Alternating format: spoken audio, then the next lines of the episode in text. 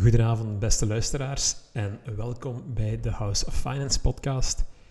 Mijn naam is Dimitri van Dormaal en ik ga jullie vanavond weer een update geven over de financiële markten. We starten met nog enkele bewegingen van gisterenavond. En ten eerste zagen we dat de zogenaamde pandemieaandelen een goede beurt maakten. Ja, wat zijn dat de pandemieaandelen? Dat zijn eigenlijk aandelen die heel erg getroffen worden door openingen en sluitingen van de economie ten gevolge van het COVID-19-virus. En ik ga enkele voorbeelden geven. Bijvoorbeeld de cruise-uitbaters zoals Carnival en uh, Norwegian Cruise Line Holdings. Verder ook vliegtuigbouwer Boeing en vliegtuigmaatschappij United and American Airlines. Hotelketens zoals Win Resorts, MGM Resorts, van, uh, bekend van de strip in Las Vegas. Maar dichter bij huis ook de bioscoopketen Kinepolis. Wanneer er slecht nieuws komt over verstrengingen in de economie, dan zie je dat die aandeel fors corrigeren en uh, ja, rood kleuren op de tabellen.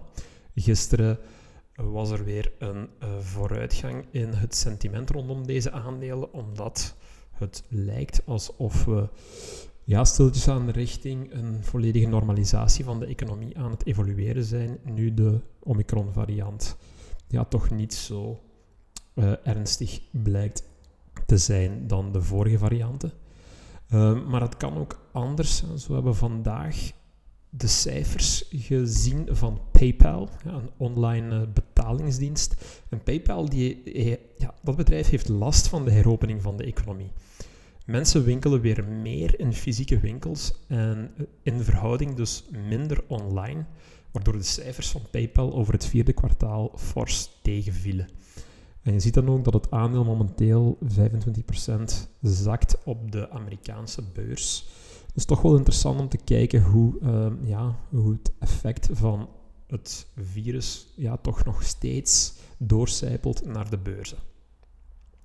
Verder hadden we gisteravond de rapportage van de jaarcijfers van Alphabet. Alphabet is het moederbedrijf boven Google, onze bekende zoekmotor.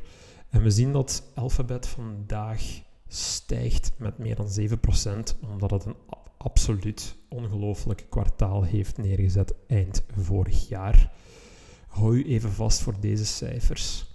20 miljard dollar netto winst op één kwartaal en, 7, en 76 miljard over heel 2021. Waanzinnige bedragen voor, uh, voor dat bedrijf. En hoe verdienen ze die nu eigenlijk? Er zijn, ik ga drie grote inkomstenbronnen eventjes opsommen. Eerst is er natuurlijk de advertentieinkomsten uit de zoekmotor. Je gaat vaak zien dat uh, de eerste twee of drie resultaten in jouw zoekopdracht, ja, dat dat bedrijven zijn die betalen om zo hoog te staan. Je, gaat dan, je gaat ADV of advertisement zien uh, voor die link. En bedrijven zijn bereid van enorm veel geld neer te tellen om op die locatie te staan. Waarom? Je hebt eigenlijk al een aankoopintentie van het moment dat je een specifieke Google search doet. Daarnaast is Google ook eigenaar van YouTube, de, uh, ja, de video's, een gratis videoplatform. En YouTube is een enorme cashmachine geworden, omdat ja, Alphabet daar ook heel veel advertenties kan promoten. Um, YouTube had een omzet in het vierde kwartaal van 8,6 miljard dollar.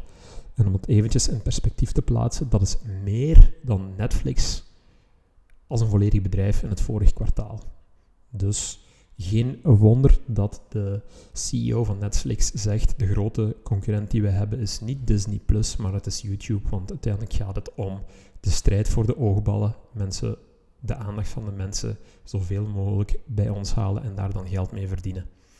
Een derde pijler van Google, Google's activiteiten, is een cloud business.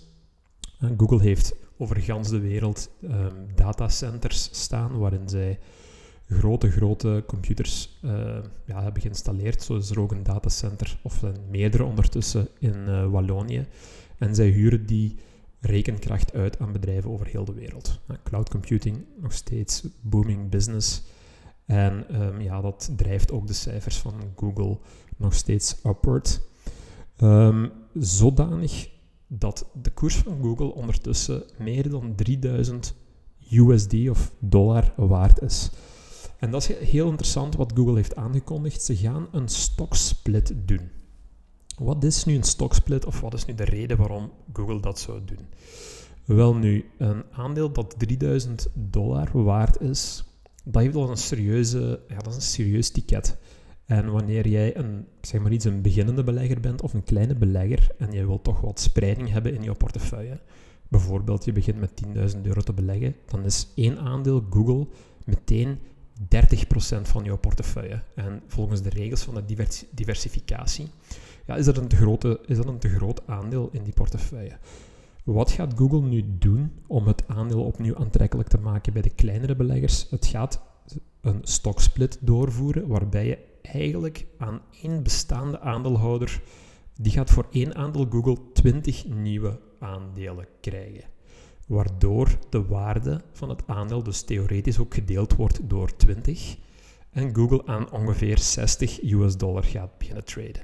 En als je een koers hebt van 60 dollar, ja, dan kan je op een portefeuille van bijvoorbeeld die 10.000 euro wel degelijk een uh, positie nemen in het bedrijf. Uh, slimme move dus van Google, waarmee het dus het aandeel opnieuw makkelijker verhandelbaar maakt voor beleggers met een kleine portemonnee.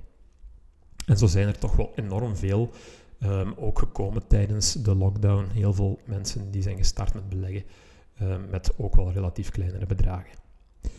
Vandaag kregen we nog een heel boeiend bericht. Um, de inflatie in de eurozone in januari is aangekondigd en die is onverwacht verder gestegen naar 5,1% En die stijging is een verrassing, want de economen hadden na al een scherpe stijging in december een afkoeling verwacht tot 4,4 Nu, waarom is dat belangrijk? Morgen is er een vergadering van de Europese Centrale Bank.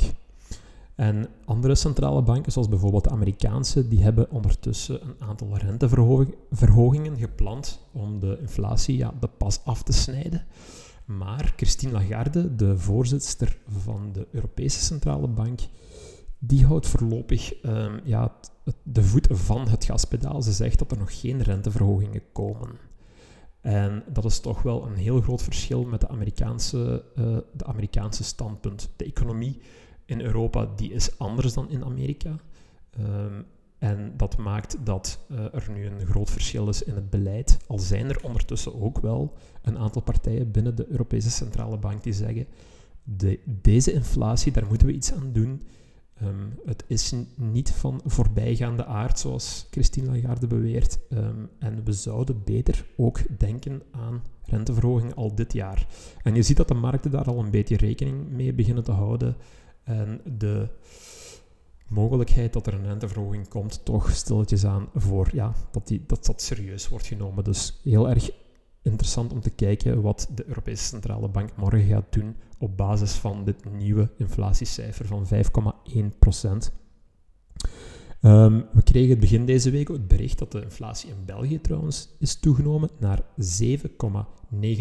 procent. Dus nog een stuk hoger dan het gemiddelde in de eurozone. En de Belgische inflatie, ja, dat is een gevolg van vooral de explosie van de energieprijzen. Energieproducten zijn gemiddeld ja, 61% duurder dan een jaar geleden.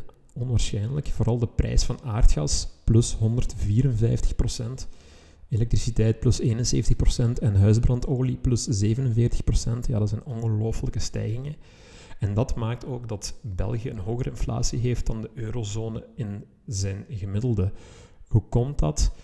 Ehm, in België is het zo dat de, de hogere groothandelsprijzen van aardgas en elektriciteit die worden sneller doorgerekend aan de consument dan in andere Europese landen, omdat wij in België meer variabele contracten gebruiken. En zo zie je dat eigenlijk een toegenomen aardgasprijs op de markten sneller doorcijpelt naar de factuur van de burger. Meteen ook het voorwerp van de hele discussie uh, die de regering de afgelopen weken heeft gevoerd rond de compensatie voor de hogere energieprijzen. Zo, dat was de update weer voor vanavond. Um, heel wat boeiende zaken in de pipeline nog voor, um, ja, de, late, de late vogels. Ehm, Meta, het bedrijf boven Facebook, Instagram en WhatsApp, komt nog met cijfers. En ook Spotify, een bedrijf dat de afgelopen dagen wel heel wat media heeft gekregen, gaat zijn resultaten rapporteren. Dus daar gaan we morgen uiteraard uitvoerig op terugkomen. Ik wens jullie een hele fijne avond en ik hoor jullie graag heel snel terug. Als jullie deze podcast interessant vinden, vergeet dan ook niet om ons 5 sterren te geven. Uh, dat doet mij enorm veel plezier.